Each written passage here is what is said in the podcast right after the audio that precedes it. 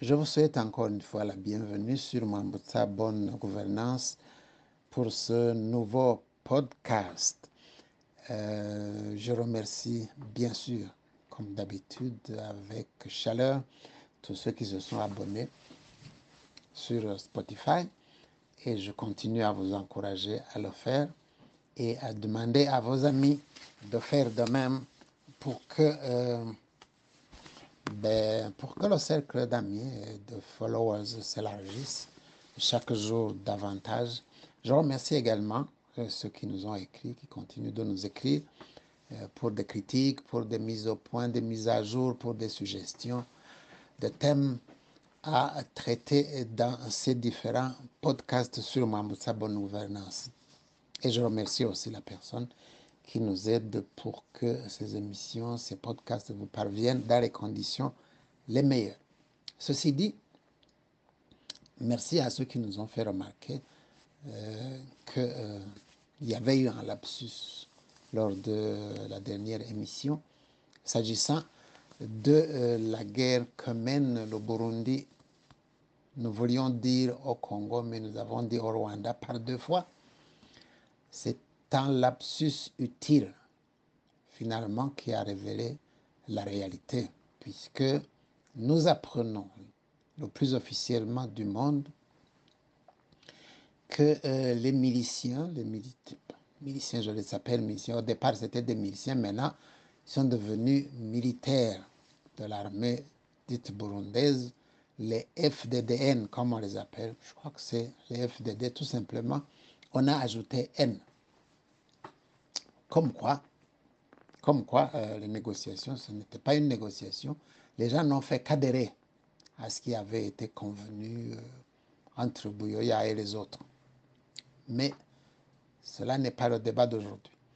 Les FDD, donc, du Burundi national, de l'armée burundaise, comme on dit, les FDDN, déclarent lorsque ils se font coincer au Congo, lorsqu'ils sont faits prisonniers de guerre, ils déclarent que ils ont été envoyés au Congo pour se battre contre les Rwandais. Je n'invente rien. Bon, mais qu'est-ce que cela euh, représente dans la réalité? Je pense que premièrement, il y a c'est plus que de la turpitude de la part du président burundais, de son gouvernement, de son parlement et de tous ceux de la société civile, des journalistes, qui ont toujours considéré que le mensonge pouvait prévaloir, que le Burundi était au Congo, pouvait être au Congo en même temps les et en même temps dans ces stupidités qu'on dit, euh, bon, il y aurait un, accord de gouvernement entre le Burundi et le Congo de Tshisekedi pour envoyer des militaires se battre contre la M23, mais finalement, ça se convertit plutôt contre les Rwandais. Si on se bat, on, va, on est allé là-bas pour se battre contre les Rwandais. Cela signifie simplement qu'ils sont allés rejoindre le programme des FDLR de se battre, d'aller attaquer le Rwanda physiquement, géographiquement. Ce qui n'est pas une surprise non plus, parce que rappelez-vous les accords entre les CNDD, les FDD et les FDR et les ex-FAR, ce sont des accords de prendre le Burundi qui, est considéré comme, qui était considéré à l'époque sous Boyoya comme étant le ventre mou pour finalement, dans la foulée, ou après avoir occupé le, Burundi, après avoir pris le pouvoir au Burundi, attaquer le Rwanda et ainsi consolider la nation Bahutu. Je crois que la guerre dans l'est du Congo se situe dans la même logique de chasser les Batutsi de la région par par, la plénitude du génocide et ainsi élargir la nation Baoto. Parce que, rappelez-vous, euh, je n'invente rien par ici non plus, les FDDN de Ndaïchimie ont été accueillis au Burundi.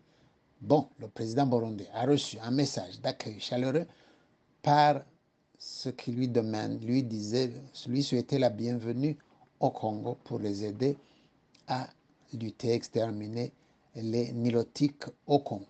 Donc la nation comme ils disent dans leur rhétorique, doit s'élargir. Ainsi donc officiellement, les FDDN sont instruits d'aller se battre contre le Rwanda au Congo ou alors au Rwanda. Parce que on ne sait pas finalement quels sont leurs véritables plans où tout cela va s'arrêter. L'hypocrisie dans tout cela, c'est quoi? C'est que le Rwanda est accusé d'être au Congo, même si le Rwanda le nie. Hier, le Burundi était au Congo. Bouyoya disait ne pas y être, on l'acceptait. Le Rwanda dit ne pas y être, on ne l'accepte pas.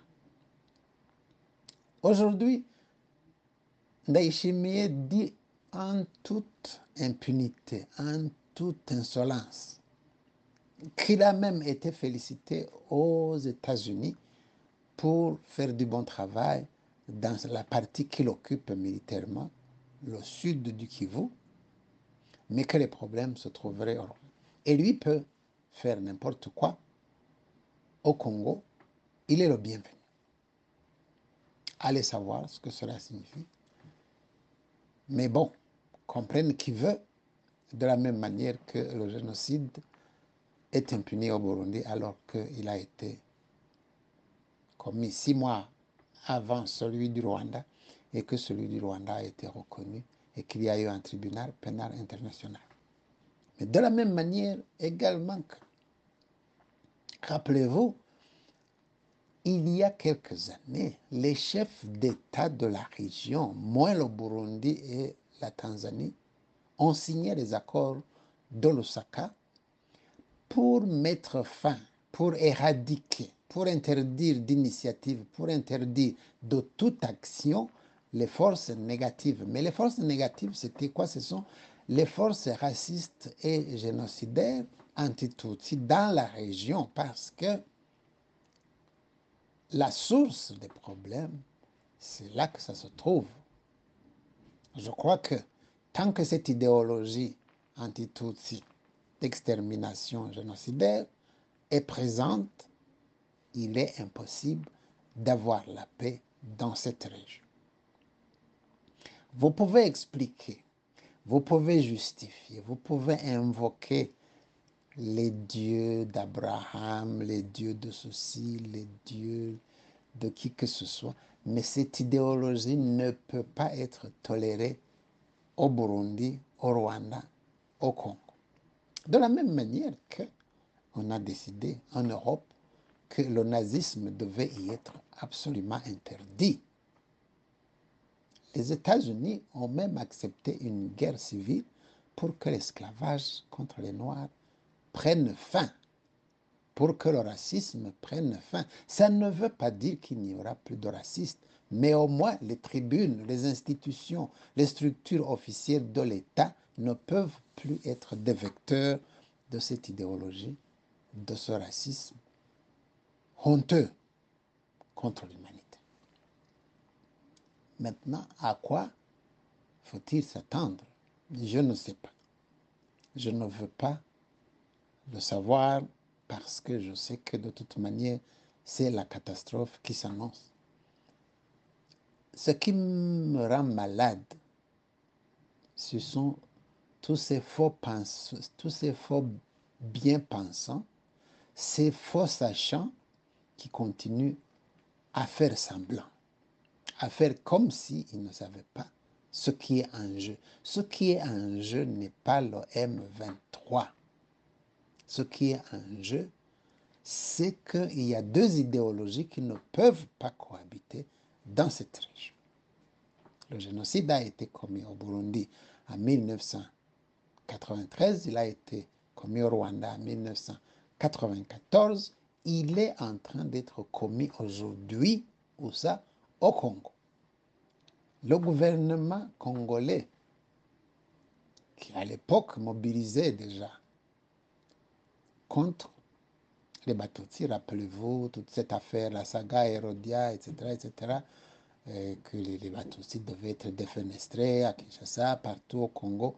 La vermine, aussi comme on disait à l'époque, comme lui, comme les Congolais disaient à l'époque, eh bien, ça n'a pas changé.